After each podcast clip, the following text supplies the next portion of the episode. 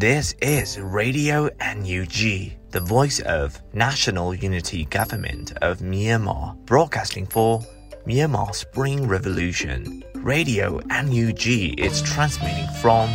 shortwave 16 meter 17.79 megahertz at 8:30 a.m. and 25 meter 11.94 megahertz at 8:30 p.m. Myanmar Standard Time. မင်္ဂလာပါခင်ဗျာ အမျိုးသားညီညွတ်ရေးအစိုးရရဲ့အတန်လွင့်ဌာန Radio NUG ကိုမနက်ပိုင်း၈နာရီခွဲမှာလိုင်းတို16မီတာစက္ကန့်တက်သမ9 MHz ညပိုင်း၈နာရီခွဲမှာလိုင်းတို25မီတာ17တက်သမ6 MHz တို့မှာဓာတ်ရိုက်ဖမ်းယူနိုင်နိုင်ပါပြီမင်္ဂလာအပေါင်းနဲ့ပြည့်စုံကြပါစေအခုချိန်ကစပြီး Radio NUG အစီအစဉ်တွေကိုဓာတ်ရိုက်အတန်လွှင့်ပေးနေပါပြီ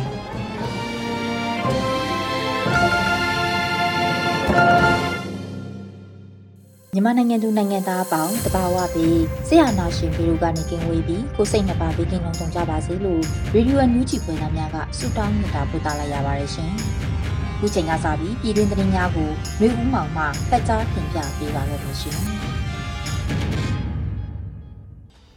မင်္ဂလာပါခင်ဗျာ။ယခုချိန်ကစပြီး Radio NUG ညနေခင်းသတင်းများကိုဖတ်ကြားတင်ပြပေးပါရမယ်။ပထမဦးဆုံးသတင်းအနေနဲ့ຫນွေဦးဒေါ်လာရေးမှာပြည်သူအားရောမသွားအောင် ပြည်သူကိုကာကွယ်ဖို့နဲ့ထောက်ပံ့မှုတွေကို NUG အစိုးရကစ조사နေပြီလို့ပြည်ထောင်စုဝန်ကြီးဒေါက်တာဝင်းမြတ်အေးကဆိုခဲ့တဲ့သတင်းအားတင်ဆက်ပေးပါမယ်။အောက်တိုဘာလအတွင်းအမျိုးသားညီညွတ်ရေးအစိုးရ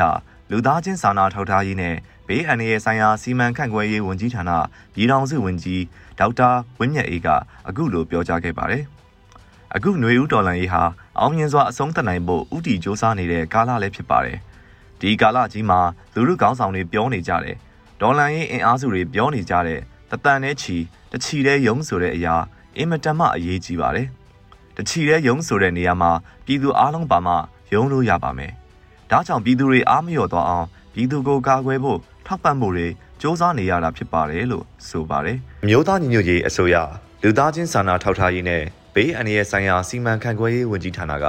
2022ခုနှစ်ဩဂတ်စ်လအတွင်းလူသားချင်းစာနာမှုအကူအညီငွေကျပ် 259ဒသမ43ညတန်ကိုထောက်ပံ့ပေးနိုင်ခဲ့ကစကိုင်းမကွေးနဲ့ကရင်ပြည်နယ်တို့ကိုအများဆုံးအကူအညီပေးနိုင်ခဲ့ပါတယ်ခင်ဗျာဆက်လက်ပြီးနိုင်ငံသားရေးဝန်ကြီးဌာနအနေနဲ့ရှေ့လာမယ့်တစ်နှစ်အတွက်မဟာဗျူဟာများရေးဆွဲပြီးစီမံချက်ချဆောင်ရွက်မယ့်အကြောင်းကိုတင်ဆက်ပေးပါမယ် နိုင်ငံသားရေးဝန်ကြီးဌာနအနေနဲ့ရှေ့လာမယ့်တစ်နှစ်အတွင်းမဟာဗျူဟာများရေးဆွဲပြီးစီမံချက်ချဆောင်ရွက်မယ်လို့နိုင်ငံသားရေးဝန်ကြီးဌာနဒုတိယဝန်ကြီးဦးမိုးစောဦးကအောက်တိုဘာလအတွင်းမှာနိုင်ငံသားရေးဝန်ကြီးဌာနရဲ့ရှေ့လာမယ့်နှစ်လုပ်ငန်းဆောင်ရွက်ချက်များနဲ့ပတ်သက်လို့ဆိုပါတယ်။အမျိုးသားညီညွတ်ရေးအစိုးရအပေါ်နိုင်ငံတကာအသိအမှတ်ပြုမှုတွေပိုပြီးရရှိလာစေဖို့ဆောင်ရွက်တဲ့ကိစ္စတွေရှိမယ်။နောက်တစ်ခါစစ်အုပ်စုကိုနိုင်ငံတကာကနှီးမျိုးစုံနဲ့ဖိအားပေးနိုင်ဖို့ကိစ္စတွေရှိမယ်။ နှွေဦးတော်လှန်ရေးအတွက်နိုင်ငံတကာကနေအမျိုးမျိုးသောအကူအညီတွေရရှိနိုင်ဖို့ဆက်လက်ဆောင်ရွက်သွားမှာဖြစ်ပါတယ်လို့ဆိုပါတယ်။ဒါအပြင်စစ်အုပ်စုကိုနိုင်ငံတကာတရားရုံးများမှာအရေးယူနိုင်ရေးနိုင်ငံခြားရေးဝန်ကြီးဌာနကဆက်လက်ဆောင်ရွက်သွားမှာဖြစ်တယ်လို့မြန်မာအရေးဆောင်ရွက်နေတဲ့အာဆီယံနိုင်ငံအပါအဝင်နိုင်ငံတကာနဲ့လည်းပူးပေါင်းညှိနှိုင်းဆောင်ရွက်သွားမယ်လို့ဒုဝန်ကြီးဦးမိုးစောဦးကထပ်လောင်းပြောကြားခဲ့ပါတယ်ခင်ဗျာ။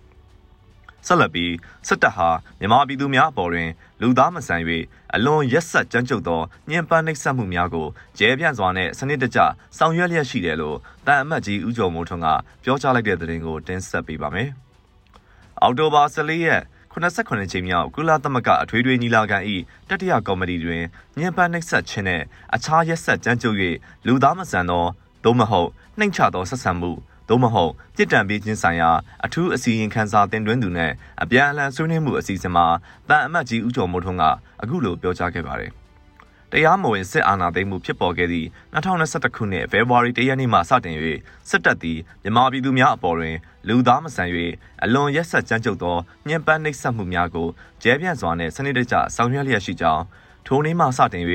ယနေ့အထိအပြစ်မဲ့ပြည်သူများရက်ဆက်စွာတပ်ဖြတ်ခံရခြင်းဖမ်းဆီးချုပ်နှောင်ခံရခြင်း ညှဉ်းပန်းနှိပ်စက်ခံရခြင်းနဲ့ဥပဒေမဲ့တရားစီရင်ခံရခြင်းမခံရသည့်နေ့တရက်မှမရှိကြောင်းထို့အပြင်ညှဉ်းပန်းနှိပ်စက်ခြင်းလူသားမဆန်၍နှိမ်ချသောဆက်ဆံခြင်းတို့သည်အပြစ်မဲ့ပြည်သူများမှ၎င်းတို့အားမဆန့်ကျင်နိုင်စေရန်အတွက်စစ်တပ်ကရဲဆက်စွာအုံပြုနေသည့်နီးဗျူဟာများအနက်တစ်ခုအပါအဝင်ဖြစ်ကြောင်းဆိုပါတယ်။စစ်တပ်ရဲ့ဖမ်းဆီးချုပ်နှောင်ခံထားရစဉ်တိတ်ဆုံးသူအနည်းဆုံး283ဦးကရှိပြီဖြစ်ကလက်ရှိမှာလူပေါင်း1000ကျော်ကိုဖမ်းဆီးချုပ်နှောင်ထားပါတယ်ခင်ဗျာ ဆက်လက်ပြီး LDF PDF UG များထံတိမ်မောင်းတထောင်ဖြတ်ချီမဲ့ရှောက်ထားမှုများကောက်ခံခြင်းမှာအဖွဲ့ပေါင်း883ဘွဲ့ရှောက်ထားခဲ့တဲ့အကြောင်းကိုတင်ဆက်ပေးပါမယ်။အောက်တိုဘာ15ရက်နေ့ထုတ်တဲ့ရအောက်တိုဘာ15ရက်နေ့မှာဒေါ်လာရေးရန်ပုံငွေရှာဖွေပေးသူမက်ပန်ဆယ်လိုကအခုလိုအသိပေးဆိုထားပါတယ်။ LDF PDF UG များထံတိမ်မောင်းတထောင်ဖြတ်ချီမဲ့ရှောက်ထားမှုများကောက်ခံခြင်းတပတ်တာကာလပြီးဆုံးပါပြီ။ရှောက်ထားတဲ့အဖွဲ့ပေါင်း883ဘွဲ့ရှိပါတယ်။ စီစစ်ရွေးချယ်ရေးအဖွဲ့မှအတီးပြုတ်ရွေးချယ်ပြီးရွေးချယ်ခံရတဲ့အဖွဲ့များကိုဆက်သွယ်ပေးပို့သွားမှာဖြစ်ပါတယ်လို့ဆိုပါတယ်။စတင်ကြေညာထားတဲ့အချိန်စီကံချက်အတိုင်းရှောက်ထားသောအဖွဲ့များအားလုံးကိုပေးပို့နိုင်မှာမဟုတ်ပေမဲ့ရန်ပုံငွေရှာဖွေနိုင်ခြင်းအပေါ်မူတည်ပြီးဆက်လက်ထောက်ပို့မှုအစီအစဉ်တွေကိုပြုလုပ်သွားမှာဖြစ်တယ်လို့သတင်းရရှိပါတယ်။ပြည်သူထောက်ပို့ငွေသိန်းပေါင်း1000ဟာမကြခင်မှာပြည်သူ့ကာကွယ်ရေးအဖွဲ့တွေကိုဓာတ်ရိုက်ရောက်ရှိတော့မှာဖြစ်ပါတယ်ခင်ဗျာ။ ဆက်လက်ပြီးစစ်ပေးဆောင်ပြည်သူများအားထောက်ပံ့ငွေပေးအပ်ခြင်းကိစ္စရပ်များကိုလည်း NUG နဲ့လက်တွဲလှုပ်ဆောင်နေတယ်လို့တပ်မဟာခုနှစ်တရင်900နှစ်တက်ခွဲတစ်ကဆိုခဲ့တဲ့သတင်းကိုတင်ဆက်ပေးပါမယ်။စစ်ပေးဆောင်ပြည်သူများအားထောက်ပံ့ငွေပေးအပ်ခြင်းကိစ္စရပ်များနဲ့ပတ်သက်လို့အော်တိုဘာ15ရက်မှာတပ်မဟာခုနှစ်တရင်900နှစ်တက်ခွဲတစ်ကအခုလိုဖော်ပြပါတယ်။တပ်မဟာခုနှစ်တရင်900နှစ်တက်ခွဲတစ်ပြည်သူရဲဘော်ရဲဘော်ကကြီးနဲ့ရဲမေခနှစ်ဦးဟာတရင်900နှစ်အတွက် ထောက်ဖို့ကိစ္စရပ်များနဲ့စစ်ပေးဆောင်ပြည်သူများအားထောက်ပံ့ငွေပေးအပ်ခြင်းကိစ္စရပ်များကိုလည်းလူသားချင်းစာနာထောက်ထားရေးနဲ့ဘေးအန္တရာယ်ဆိုင်ရာစီမံခန့်ခွဲရေးဝန်ကြီးဌာနနဲ့ပူးပေါင်းလက်တွဲဆောင်ရွက်လျက်ရှိပါတယ်လို့ဆိုပါတယ်။အမျိုးသားညီညွတ်ရေးအစိုးရလူသားချင်းစာနာထောက်ထားရေးနဲ့ဘေးအန္တရာယ်ဆိုင်ရာစီမံခန့်ခွဲရေးဝန်ကြီးဌာနက2022ခုနှစ်ဩဂတ်စ်လအတွင်းလူသားချင်းစာနာမှုအကူအညီငွေကျပ်259.43တန်းကိုထောက်ပံ့ပေးနိုင်ခဲ့ပါတယ်။ ထိုကဲ့သို့အကူအညီပေးအပ်ရာမှာအာနာသိန်းအကြမ်းဖက်စစ်တပ်၏မိရှုတန်ခံပြည်သူများ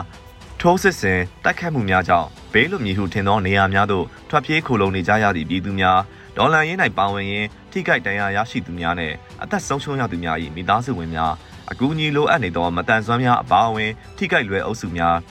တဘာဝဘေးအန္တရာယ်တန်ခံနေရသူများနဲ့အကြောင်းကိစ္စအမျိုးမျိုးကြောင့်လူသားချင်းစာနာမှုအကူအညီလိုအပ်သူများကိုကူညီပေးခဲ့ပါတယ်ခင်ဗျာ။ ယခုတက်ဆက်ပေးခဲ့တဲ့သတင်းတွေကိုတော့ Radio NUG သတင်းတောင်မင်းမင်းကပေးပို့ပေးထားတာဖြစ်ပါတယ်။ Radio NUG မှာဆက်လက်တင်ပြနေပါတယ်။အခုဆက်လက်ပြီးတော်လင်ကြီးကြပြအစီအစဉ်မှာတော့နေတွင်နိုင်ရေးသားပြီးမျိုးဦးမိုးရုပ်ဖတ်ထားတဲ့ကိုပိုင်နံပါတ်လို့အမည်ရတဲ့တော်လင်ကြီးကြပြကိုနားဆင်ကြရတော့မှာဖြစ်ပါတယ်ရှင်။ကိုပိုင်နံပါတ်တယောက်က နေ့စဉ်တည်င်းတွေဖတ်ပြီးရှင်တန်မှုဆိုတာဘာမှမဟုတ်ပါလားလို့တရားပေါက်သူသူ့အမွေတွေကိုသူ့မြေးစီလွှဲပြောင်းရေခဲတောင်စီအပျော်ခရီးထွက်ချိန်တယောက်ကလွတ်လွတ်အောင်အကြောင်းတွေးဘီကနီမလေးကိုငင်းတခုခုစွန့်စားလိုက်ရင်တခုခုဖြစ်သွားမှကြောက်လို့စိတ်တိုင်းကြလက်ဖက်ရည်ဆိုင်တယ် စိတ်တိုင်းမကြပဲ selfie ဆွဲပြီးထိုင်လို့တယောက်က Sherlock Holmes လို့တွဲပြီးဘိုးဘိုးအောင်ကိုပူဇော်လို့စားဝတ်နေရေးထဲကတေရေးကိုနှုတ်အိမ်မက်တိတ်တုံကြမ်းမြအရာထမင်းစားကနန်းကိုထုတ်မြင်တယောက်ကအနိုင်လိုချင်ယူသွားပါ အမှန်တရားကိုစပွဲပေါ်ခြံထားခဲ့ပါလို့ကျဲငါးပွင့်ဟိုတယ်မှာ ဝိုင်ဖောက်ပြီးညစာစားကနန်းပေါင်းဆက်နဲ့ငိမ့်ချမ်းရင်တရားဆောက်တော့တယောက်က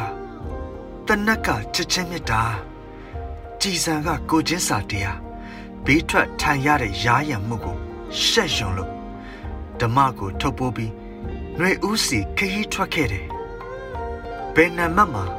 ကို့အမိချိတ်ဆွဲထားပါတလဲအရေးမကြီးတာတွေအရေးတကြီးမလုပ်မိဖို့ အရေးကြီးတဲ့ကိုပိုင်အမှတ်လိပ်စာချစ်ချင်းမြတ်တာမှတပါအခြားပျော်ရွှင်ရာမရှိတော့ဤကပါနေတွင်နိုင်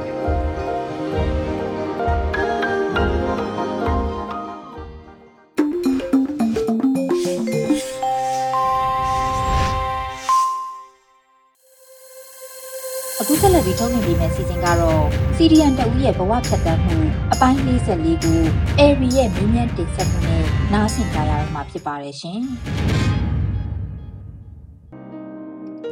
ဆီယမရေမင်္ဂလာပါရှင်။ပထမဆုံးအနေနဲ့ပေါ့နော်ဆီယမတာဝန်ထမ်းဆောင်ခဲ့တဲ့အပိုင်းလေးနဲ့ CDN ပါဝင်ဖြစ်ခဲ့ပုံလေးကိုသိပြရစီရှင်။ကျမကတော့ပညာရေးဝန်ကြီးဌာနအောင်မှာတာဝန်ထမ်းဆောင်ခဲ့တဲ့ဆီယမတဦးဖြစ်ပါတယ်။။ဘာဒီပညာလောကတွေကို2010နိုဝင်ဘာလကနေစပြီးဝင်ရောက်ခဲ့တယ် အဲ့ဒီ2010ကနေ2021စစ်အာဏာမသိမ်းခင်ကာလအထိလုံသက်စနစ်ကျော်ကာလအတွင်းမှာ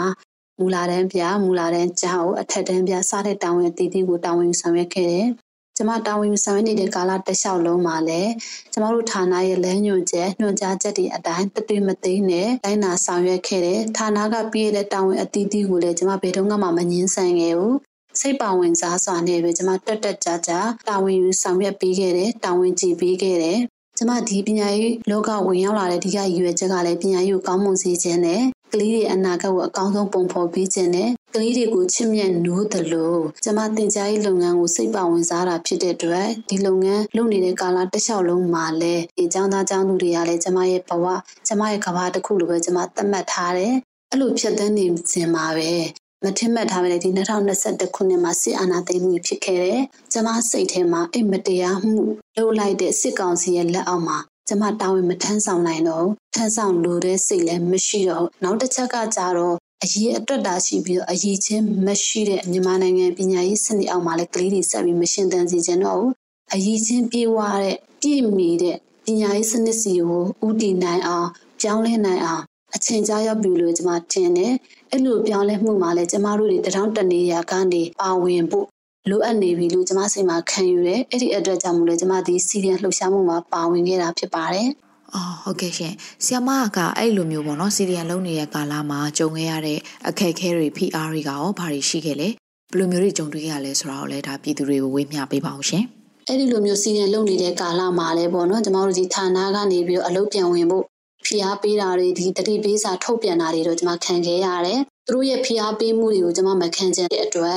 ဌာနကနေကျွန်မကိုဆက်သွယ်လို့ရမယ်ဖုန်းနံပါတ်တွေအားလုံးကိုထုတ်ပြတယ်ဌာနနဲ့လုံးဝအဆက်အသွယ်ဖြတ်ပြလိုက်တယ်အဲ့လိုဖြတ်လိုက်တာဖြစ်တဲ့အတွက်သူတို့ဖိအားပေးမှုတွေနည်းပြီမဲ့ဒီစကားစားရဲ့မြို့ပေါ်တွေနေတွေမှာဒီစီဒီယံဝန်ထမ်းတွေကိုလိုက်လံပြီးဖမ်းဆီးမှုတွေရှိနေတာဖြစ်တဲ့အတွက်ကျွန်မရဲ့စာတီမြို့မှာကျွန်မနေလို့မရဘဲနဲ့အခြားတနေရာမှာကျွန်မထွက်ပြီးတိမ်းရှောင်နေခဲ့ရတယ်အဲ့တော့ကျွန်မစီဒီယံကိုစပြီးဝင်ကြတဲ့အခါကျွန်မမိသားစုလုံခြုံရေးကိုစိုးရိမ်တာဖြစ်တဲ့အတွက်ကြောင့်မို့လို့တီးကြပဲနေခဲ့တယ်တဦးတည်းတီးတန့်ထွက်ပြီးတိမ်းရှောင်ခဲ့တယ်မိသားစုကိုလုံခြုံစိတ်ချရတဲ့နေရာမှာပဲကျွန်မကထားထားတယ် တော့ကျွန်မအဲ့လိုမျိုးထွက်ပြေးတင်းရှောင်နေတဲ့ကာလမှာလည်းဒီပြည်သူတွေကမှဒလန်တွေကြောင့်သတင်းပေးတွေကြောင့်မို့လို့ဒီစီဒန်ဝန်ထမ်းရှိတဲ့ဆိုတော့သတင်းပေးမှုတွေကြောင့်မို့လို့အဲ့ဒီတင်းရှောင်နေတဲ့နေရာနေပြီးတော့နောက်ထပ်တနေရာကိုထပ်ပြီးထွက်ပြေးတင်းရှောင်ရတာမျိုးတွေကျွန်မကြုံခဲ့ရတယ်။အော်တော့ဒီသူတို့ရဲ့စီဒီယန်ဝန်ထမ်းတွေကိုလိုက်လံဖမ်းဆီးပြီးဒီဖိအားပေးမှုတွေကိုကြောက်လန့်တာကြောင့်မို့လို့သူတို့ရဲ့ဖန်ဆင်းမှုကိုခံရရင်ကျမတို့ရဲ့အနာဂတ်ကျမတို့ရဲ့ဒီအိမ်မက်တွေပျက်စီးသွားနိုင်တာကြောင့်မို့လို့သူတို့ရဲ့အဖန်ဆင်းမခံရအောင်ကျမအသက်နိုင်ဆုံး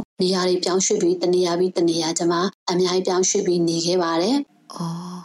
ဟုတ်ကဲ့ပါ။ဆရာမအခုလိုကြုံတွေ့ခဲ့ရတာတွေအတွက်ကိုလည်းတကယ်ကိုစိတ်မကောင်းဖြစ်ရပါတယ်ရှင်။ဆရာမအဲ့လိုအချိန်မှာဒီစာဝင်တွေရဲ့အတွက်ကိုရောဘယ်လိုတွေဖြည့်ရှင်းခဲ့ရပါလဲ။ CDN တွေအတွက်ထောက်ပံ့ချေပေးနေရတယ်လည်းရှိရဲဆိုတော့လေ CDN ထောက်ပံ့ချေတွေကိုရရှိခဲ့ဘူးပါလားရှင်။ကျမဒီထွက်ပြေးတင်းရှောင်နေတဲ့ကာလတစ်လျှောက်မှာလည်းကျမအတက်နိုင်ဆုံးအတိမိတ်ဆွေတွေတွေကနေပြီးတော့ကျမဒီစားတောက်ရေးအတွက်အဆင်ပြေအောင် လုပ်ပေးတာမျိုးတွေပဲရှိခဲ့တယ်။အဲ့လိုမျိုးတီးခြားစီဒင်မို့လို့ဆိုပြီးတော့ထောက်ပံ့ပေးတာမျိုးတွေတော့လုံးဝမရှိခဲ့ပါဘူး။ကိုကိုတိုင်ကလည်းကို့မှာအခက်အခဲတွေဖြစ်နေတယ်။စီဒီယံမို့လို့ကုညီထောက်ပံ့ပေးဖို့ဘလူးအဖွဲ့အစည်းတဦးတယောက်ချင်းစီကိုမှကုညီထောက်ပံ့ပေးဖို့မတောင်းဆိုခဲ့ဘူးပါဘူး ဟောတော့ဒီစီရင်ဝင်နေတဲ့ကာလတစ်လျှောက်လုံးမှာလည်းကျွန်တော်တို့အခက်ခဲဆိုတော့အများကြီးပဲရှိပါတယ်။ဘာလို့လဲလို့ပြောရင်ကျွန်မမိသားစုမှာဆိုရင်လည်းကျွန်မရဲ့ဝင်ငွေတက်ခုတွေပေါ်မှာဒီမူတည်ပြီးတော့မိသားစုရဲ့စာဝင်နေရေးဟာဖြတ်တန်းပြီးတွားနေတာဖြစ်တဲ့အတွက်ကျွန်မမှာဝင်ငွေမရှိတော့တာဖြစ်တဲ့အတွက်မိသားစုစာဝင်နေရေးလည်းအရင်အခက်ခဲဖြစ်ပါတယ်။ကျမရဲ့အဖေကလည်းအငိမ့်စားဆရာတယောက်ပါ။အော်တော့ဒီအငိမ့်စားပြင်ဆင်လားစာလေးတစ်ခုနဲ့မိသားစုစာဝင်နေပြည်လျောက်ဖြတ်တန်းမှုဆိုတာအရန်ကို ခက်ခဲတဲ့ကိစ္စတစ်ခုပါ။ဟောတော့အဲ့ဒီလိုမျိုးခက်ခဲမှုတွေကြုံတွေ့လာရတဲ့အခါမှာလဲကျမဒီစီဒန်လုပ်ရတာကိုနှောင်ထားရတာမျိုးကြံသွားကြံစိတ်တွေတော့လုံးဝမဖြစ်ခဲ့ပါဘူး။ ဘာလို့လဲဆိုတော့ဒီစီရန်လှုပ်ရှားမှုမှာပါဝင်ဖို့ကိုမြည်သူတဦးတယောက်ကမှတိုက်တွန်းတာသူတို့ရဲ့ပြောဆိုချက်နဲ့ကျမဒီလှုပ်ရှားမှုမှာပါဝင်ခဲ့တာမဟုတ်ပါဘူးကိုယ့်ရဲ့ခံယူချက်ကိုယ့်ရဲ့ဆုံးဖြတ်ချက်နဲ့ပဲကျမစီရန်လှုပ်ရှားမှုမှာပါဝင်ခဲ့တယ်အခုဆုံးဖြတ်ချက်ရဲ့နောက်ွယ်ကစိုးရင်ကောင်းခြင်းလို့လည်းကျွန်မတွေးတောထားပြီးသားပါအဲကြောင့်မို့အစိုးရနဲ့ကြုံလာတဲ့အခါမှာလည်းသူတို့တွေကိုဘယ်လိုပြည်လောင်ဖြည့်ရှင်းမလဲဆိုတဲ့ဖြည့်ရှင်းလေးနေနဲ့ပဲကျွန်မဖြည့်ရှင်းသွားတယ်အဲ့ဒီလိုမျိုးနဲ့အခက်ခဲတွေကိုကျွန်မအဆင်ပြေအောင်ဖြည့်ရှင်းနေပဲကျွန်မရက်တည်ခဲ့ပါတယ် ဟုတ်ကဲ့ပါရှင်အခုပေါ့နော်ဆ iam မပြောသလိုဆိုရင်ဆ iam မတယောက်တည်းကိုပဲမိခိုပြီးတော့ရက်တည်နေရတဲ့မိသားစုလည်းရှိနေရဲဆိုတော့လေအခုလက်ရှိမှာရောဆ iam မကမိသားစုရက်တည်ရေးဆ iam မရက်တည်ရေးအတွက်ကိုဘာအလုပ်တွေကိုလုပ်ဖြစ်နေလဲဒါလေးကိုလည်းပြပြပေးပါအောင်ရှင်အခုဒီလက်ရှိအနေထားမှာတော့ပေါ့နော်ကျွန်မအနေနဲ့ဒီ CSO အဖွဲ့အစည်းတွေနဲ့ကျွန်မပူးပေါင်းပြီးတော့ဒီနိုင်ငံရေးကိုကျွန်မတက်နိုင်တဲ့တောင်းတနေရနေပြီးတော့ပါဝင်ဆောင်ရွက်ပြီးကျွန်မဘဝကိုရက်တည်နေပါတယ်ဟုတ်ကဲ့ပါ ဆ iam မကိုဘွားရက်တီအတွက်ကိုလည်းလုပ်ရင်နိုင်ငံအရေးကိုလည်းမေ့မထားဘဲနဲ့ပူးတွဲပြီးတော့လုပ်ဖြစ်နေရဆိုတော့ဒီနွေဦးတော်လှန်ရေးအပေါ်မှာထားရှိတဲ့ဆ iam မရဲ့သဘောထားနဲ့ခံယူချက်လေးကိုလည်းသိပြရစီရှင်ခုနွေဦးတော်လှန်ရေးအနေနဲ့ကျမအပြည့်အဝယုံကြည်ပါတယ်ကျမတို့ရဲ့တော်လှန်ရေးအောင်မြင်ပါမယ်ဒါပေမဲ့ဒီတော်လှန်ရေးတခုအောင်မြင်ဖို့ဆိုတာကဒီတိကျတဲ့အချိန်ကာလဆိုတဲ့ဟာတော့မရှိတော့ဘူးလို့ကျွန်မထင်တယ်။ဘာလို့လဲဆိုတော့ဒီလိုမျိုးအောင်မြင်မှုဆိုတာလွယ်လွယ်ကူကူနဲ့ရနိုင်မယ့်အနေအထားမဟုတ်တယ်လို့ စစ်အာဏာရှင်ကလည်းလွယ်လွယ်ကူနဲ့ကြာရှုံးနိုင်မှာမဟုတ်ပါဘူး။အဲ့တော့ကျမတို့တွေတော်လန်တိုက်ခိုက်ဖို့လိုအပ်ပါတယ်။အဲ့ဒီအတွက်ကြောင့်မို့ကျမတို့ဒီတော်လန်ရေးမှာပါဝင်တဲ့တော်လန်ရေးမိသားစုတွေပြည်သူတွေအားလုံးဒီမြေပြင်မှာတိုက်ခိုက်နေကြတဲ့ကလေးတွေအကုန်လုံးပူးပေါင်းပါဝင်ပြီးတော့ကျမတို့တော်လန်ရေးကိုဆောင်ရွက်မယ်ဆိုရင်ကျမတို့တော်လန်ရေးဟာအချိန်ကာလအရန်မကြပဲနဲ့မြန်မြန်ဆန်ဆန်နဲ့အောင်မြင်မယ်လို့ကျွန်မယုံကြည်ပါတယ် ဟုတ်ကဲ့ပါဆရာမကြီးအခုဆိုရင်ပေါ့နော်ဒါဆရာနာတိတ်တဲ့အချိန်မှာဆိုရင်တော်တော်များများဝန်ထမ်းတွေလည်း CDN တွေပါဝင်ခဲ့ကြတယ်ပေါ့နော်အဲ့လိုပါဝင်ခဲ့တဲ့ဝန်ထမ်းတွေထဲမှာတယောက်ဖြစ်တဲ့ဆရာမရောဒါပြည်သူဝန်ထမ်း CDN တဦးအနေနဲ့ပြည်သူတွေကိုဘာတွေများပြောချင်ပါသေးလဲရှင်။ကျမတို့တော်လဲမိသားစုတွေနဲ့အတူပြည်သူတွေလည်းပူးပေါင်းပါဝင်ဆောင်ရွက်ပေးကြပါ။ ဘာလို့လဲဆိုလို့ရင်အဆောက်အဦအကြီးကြီးမားမားကြီးတစ်ခုဖြစ်ဖို့အုပ်လေးတစ်ချက်ဟာအရေးပါတယ်လို့ကျမတို့ရဲ့တော်လန်ရေးတစ်ခုအောင်မြင်မှုအတွက်ဒီလူတဦးတယောက်ချင်းစီကလည်းအရေးပါတဲ့အခန်းကဏ္ဍမှာပါဝင်နေတယ်ဆိုတာကိုသိစေချင်ပါတယ်။အဲ့ဒီအကြောင်းမို့လို့ပြည်သူတွေအနေနဲ့လည်းဒီတော်လန်ရေးမှာပါဝင်နေတဲ့အဖွဲ့အစည်းတွေပြီးတော့ဒီပြည်သူဝန်ထမ်း CDN တွေဒီပြင်မှာတကယ်တိုက်ပွဲဝင်နေတဲ့ဒီ PDF ကလေးတွေရဲ့ လုံခြုံရေးနဲ့လိုအပ်ချက်တွေကိုကိုတက်ဆွမ်းတဲ့ဘက်ကနေပြီးတော့ကိုကြီးထောက်ပံ့မှုတွေပြုလုပ်ပေးကြဖို့လဲကျွန်မတောင်းဆိုချင်ပါတယ်အခုချိန်မှာပြည်သူတွေလည်းအခက်အခဲတွေနဲ့ကြုံနေရတယ်ဆိုတာကိုနားလည်ပါတယ်ဒါပေမဲ့အတင်းထားပါကျမတို့ဒီပြည်သူတွေတော်လဲမိသားစုတွေကအားလုံးညီညီညွတ်ညွတ်နဲ့ပူးပေါင်းပါဝင်ဆောင်ရွက်မယ်ဆိုရင်ကျမတို့တော်လန်ရေးဟာမကြတော့တဲ့ကာလအတွင်းမှာအောင်မြင်သွားပါလိမ့်မယ်အားလုံးကြိုးစားစေချင်ပါတယ်အားလုံးပူးပေါင်းပါဝင်မှုလည်းတိုက်တွန်းပါရစေ ဟုတ်ကဲ့ပါဆရာမကြီးဒါဆိုတော့ဒီနေ့စကားဝိုင်းကလည်းတော်တော်လေးလဲပြောခဲ့တာလည်းအများကြီးပဲဖြစ်ခဲ့ပြီဆိုတော့ဒီနေ့ဒီစကားဝိုင်းလေးကိုမသိမ်းလိုက်ခင်မှာဆရာမနဲ့ဘဝတူပေါ့နော်တခြားစီဒီယံဝန်ထမ်းတွေကိုရောဆရာမဒီဖြတ်တန်းခဲ့ရတဲ့အတွေ့အကြုံတွေအရာပေါ့နော်သူတို့ရောဒါဘယ်လိုမျိုးစိတ်သက်ခွန်အားတွေပေးခြင်းလဲဒါလေးကိုလည်းပြောပြပေးနေဒီနေ့အစီအစဉ်ကနေပြီးတော့နှုတ်ဆက်လိုက်အောင်ပါနော်ဆရာမပြောချင်တာကကြတော့အကောင်းဆုံးအရာတွေဟာဘယ်တော့မှ လွယ်လွယ်ကူတဲ့ရတာမဟုတ်တဲ့အတွက်အခက်အခဲတွေရှိပါလိမ့်မယ်အာတင်ထားပါပြီးတော့ဒီအခက်အခဲတွေဟူသမျှကိုလည်းအကောင်းဆုံးကြော်ဖြတ်ပါအခက်ခဲကြားတဲ့ကနေပြီးတော့ အခုလို CDN မှာအဆုံးထိတန်အောင်ပါဝင်ပေးတဲ့အတွက်အားလုံးအတွက်ဂုဏ်ယူတယ်လို့မျိုးအရန်လဲပီတိဖြစ်မိပါတယ်အဲ့ဒါကြောင့်မို့ဒီဖြစ်ပေါ်လာတဲ့အခက်ခဲတွေကိုလည်းဆက်ပြီးတော့တီးခံပေးပါကြော်ဖြတ်ပြီးတော့ကျမတို့တော်လန်ရေးအောင်မြင်သွားအောင်ရှေ့ဆက်ပြီးသွားကြပါလို့ပဲတိုက်တွန်းပါရစေစီဒန်ဝန်ထမ်းအနေနဲ့အခက်ခဲတွေကြုံလာတဲ့အခါမှာစိတ်သက်မကြပါနဲ့အဆိုးဆုံးတွေကိုကြော်လွှားပြီးရင်ကျမတို့အကောင်းဆုံးဆိုတဲ့အရာတွေရောက်လာမှာပါအဲ့ဒီအကောင်းဆုံးဆိုတဲ့အရာလေးရောက်လာဖို့မျှော်လင့်ရင်းနဲ့ပဲစိတ်ခွန်အားမွေးပါကိုကိုကိုကယူဆိုင်ပါအခုချိန်မှာကျမတို့လုံခြုံစိတ်ချပြီးတော့မှကျန်းကျန်းမာမာရှိနေဖို့ကအရေးကြီးဖြစ်ပါတယ်ပြီးတော့စီဒန်ဝန်ထမ်းတွေရဲ့ပူးပေါင်းပါဝင်မှုကလည်းအရင်အားကောင်းတာဖြစ်တဲ့အတွက်ကျမတို့တော်လန်ရေးကလည်းမြန်မြန်နဲ့ပေါ့နော်အောင်မြင်မယ်လို့လည်းယုံကြည်ပါတယ် တော်လန်ရေးပြီးဆုံးတိုင်အောင်စီရင်ဝင်တဲ့အနေနဲ့လည်းဆက်လက်ပြီးပူးပေါင်းပါဝင်ဆောင်ရွက်ပေးကြဖို့လည်းပြောချင်ပါတယ်ဒီစစ်အာဏာရှင်စနစ်ကြာရှုံးပြီးတော့ကျမတို့လိုချင်တောင်းတနေတဲ့ဒီမိုကရေစီနိုင်ငံတည်တည်တစ်ခုထူထောင်နိုင်ရေးအတွက်ကျမတို့တော်လန်မိသားစုတွေအားလုံးမိမိတာဝန်ယူထားတဲ့ကဏ္ဍအသီးသီးကနေအကောင်းဆုံးဆောင်ရွက်ပြီးအချင်းချင်းညီညီညွတ်ညွတ်နဲ့တော်လန်ရေးပြီးဆုံးသည့်တိုင်အောင်အတူတူတိုက်ပွဲဝင်ကြပါစို့လို့ပြောကြပါရစေ ရေးတော်ပုံအောင်ရမည်ဟုတ်ကဲ့ပါဆရာမကြီးအခုလိုမျိုးပြည့်ပြည့်စုံစုံနဲ့ဖြေကြားပေးတဲ့အတွက်ဆရာမကိုလည်းအထူးပဲကျေးဇူးတင်ပါတယ်။နှုတ်တော်လည်းရေးလည်းအမြန်ဆုံးအောင်မြင်ပြီးတော့မိသားစုနဲ့လည်းဆရာမအမြန်ဆုံးပြန်လဲစုံစည်းနိုင်ပါစေလို့လည်းဆုတောင်းပေးလိုက်ပါတယ်ရှင်။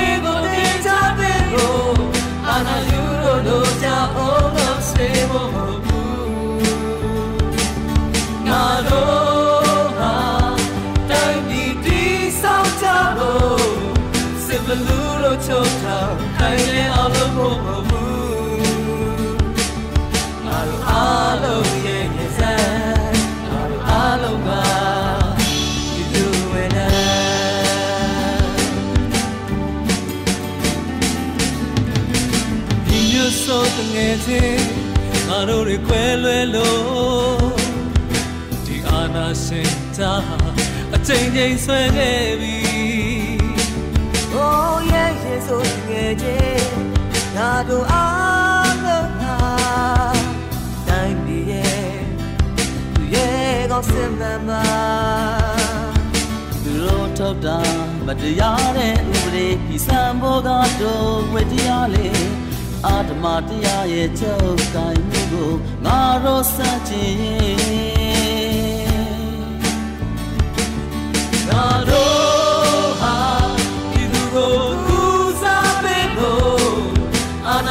ကူစားဖို့မဟုတ်ဘူးငါတို့ဟာဒီသူကိုပြန်စားပေးနိုင်ဖို့စစ်လူတို့ဝါရမိုင်းတဲ့ဖို့မဟုတ်ဘူးငါတို့အားလုံးရှိကူတဲ့ငါတို့အားလုံးက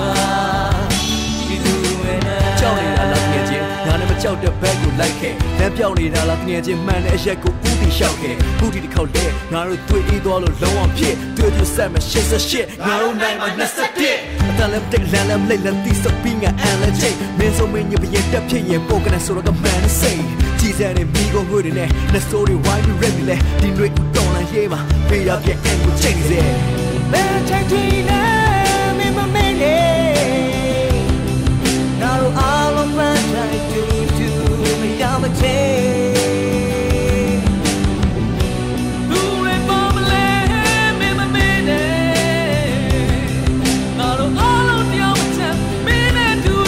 လေး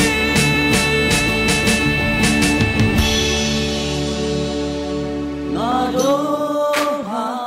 ဒီသူရဲ့သွေးကိုတ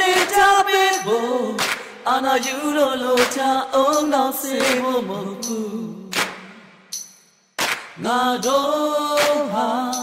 တိုင်းပြည်တည်ဆောက်ကြဖို့စစ်ဘလူးလို့ချုပ်တောင်ခိုင်ရအောင်လို့ဖို့မဟုတ်ဘူးငါတို့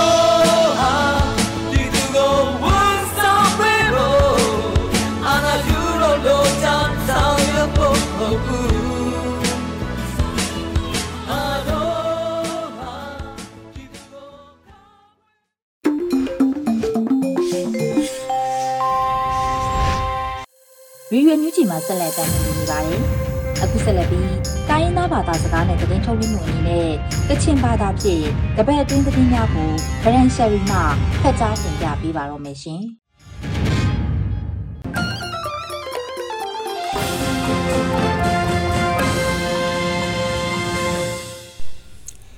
စောရိုင်ကျရိုဝန်ပေါ်အမျိုးရှာလီယောငွေပြောခမ်းကြငါမြကလော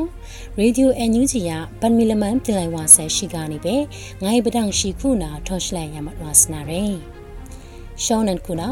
မုံဖော်ခရိမန်ဒေါက်တာဆဆာအာကျင်းခိုက်ကနုငါမဆဲလာမနာလူဝဲမကျော်ငမ်ငါအိုင်တွမ်တမရှာနီကျင်းခုကျင်းယူနေတဲ့အရာမြင့်ပြောရွန်ခဲလော်မိုင်ငါနာမုံဖော်ခရိမန်တကျဆွနေရှိကပဲတာမတွန်ညာနာရဲအန်ယူဂျီအစိုးရ မုံပွန်ခရိမန်ဒေါက်တာဆဆာအားကျင်းခိုက်ကနုပြီးမာဆိုင်ကောခိနကောခုနခေါနေအော်တိုဘတ်စတာရှင်းစုံညာရှနာခိမဆတ်အတင်ဒရမ်တာမဒူယေစုတာပြပြောမဆဲလာနာလွယ်မကျော်ငမ်ငိုင်ကျင်းခိုက်ကွာမလောဒွမ်တာမရှာနီကျင်းခုကျင်းယူနေတဲ့အရာမြင့်ပြောရွန်ခဲလော်မိုင်ငါနာမုံဖော်ခရိမန်တို့ကျူမန်ဝင်းခန်တန်စွန်တွန်တိုင်ရဲ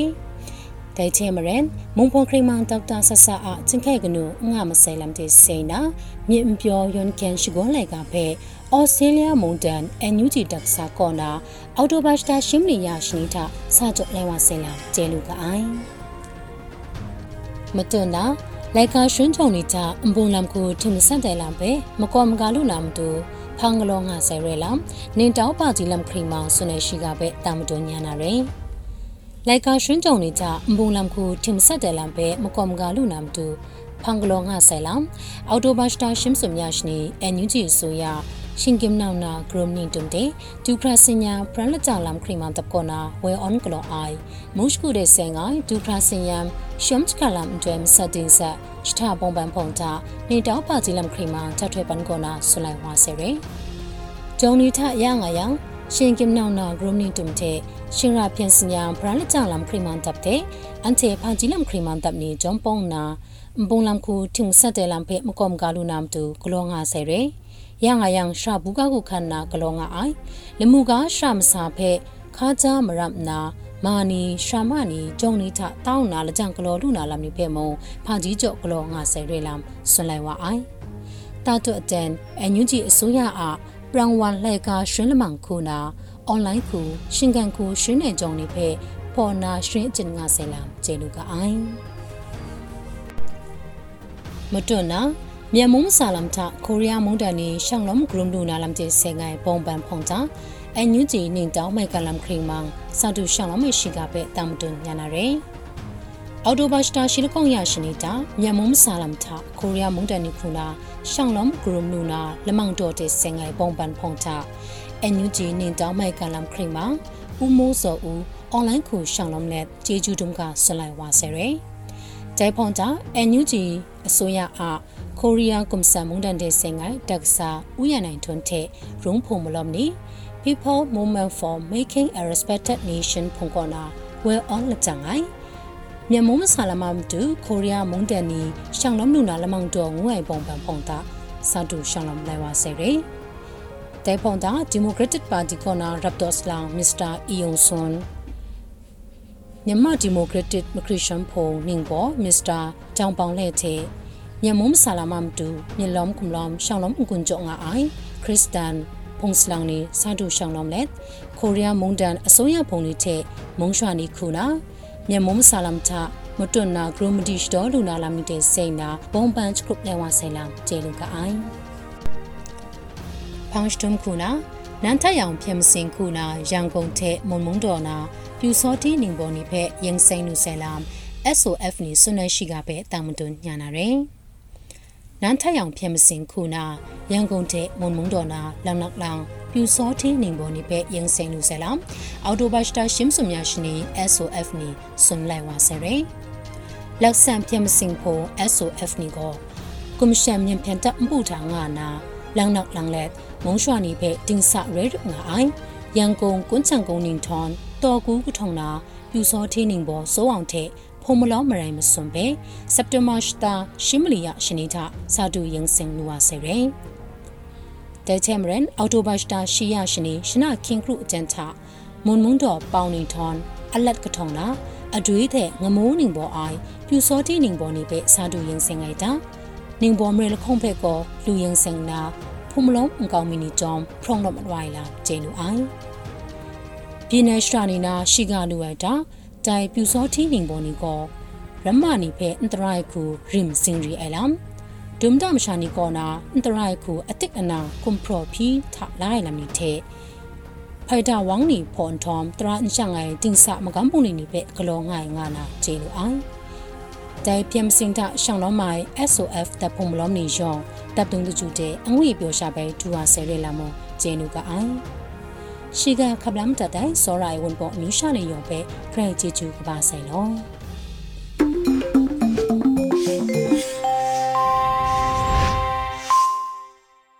ဒီကနေ့ကတော့ဒီညနေပဲ Radio NUG ရဲ့အစည်းအဝေးကိုခਿੱတရနာလိုက်ပါမယ်မြန်မာစံတော်ချိန်မနက်၈နာရီခွဲနဲ့ည၈နာရီခွဲအချိန်တွေမှာပြန်လည်ဆုံးဖြတ်ကြပါစို့ Radio NUG ကိုမနက်ပိုင်း၈နာရီခွဲမှာလိုင်းဒို16မီတာစက္ကန့်တသမ9 MHz ညပိုင်း၈နာရီခွဲမှာလိုင်းဒို25မီတာ17သမ6 MHz တို့မှာဓာတ်ရိုက်ဖမ်းယူနားဆင်နိုင်ပါပြီမြန်မာနိုင်ငံသူနိုင်ငံသားများကိုယ်စိတ်နှပြကျန်းမာချမ်းသာလို့ဘေးကင်းလုံခြုံကြပါစေလို့ Radio NUG အဖွဲ့သူအဖွဲ့သားများကဆုတောင်းလိုက်ရပါတယ်။အမျိုးသားညီညွတ်ရေးအစိုးရရဲ့စက်သွေးရေးတရင်အချက်အလက်နဲ့ဤပညာဝန်ကြီးဌာနကထုတ်လွှင့်နေတဲ့ Radio NUG ဖြစ်ပါတယ်။ San Francisco Bay Area အခြေစိုက်မြန်မာမိသားစုများနဲ့ နိုင်ငံတကာကစေတနာရှင်များလှုပ်အားပေးများရဲ့ Radio NUG ဖြစ်ပါတယ်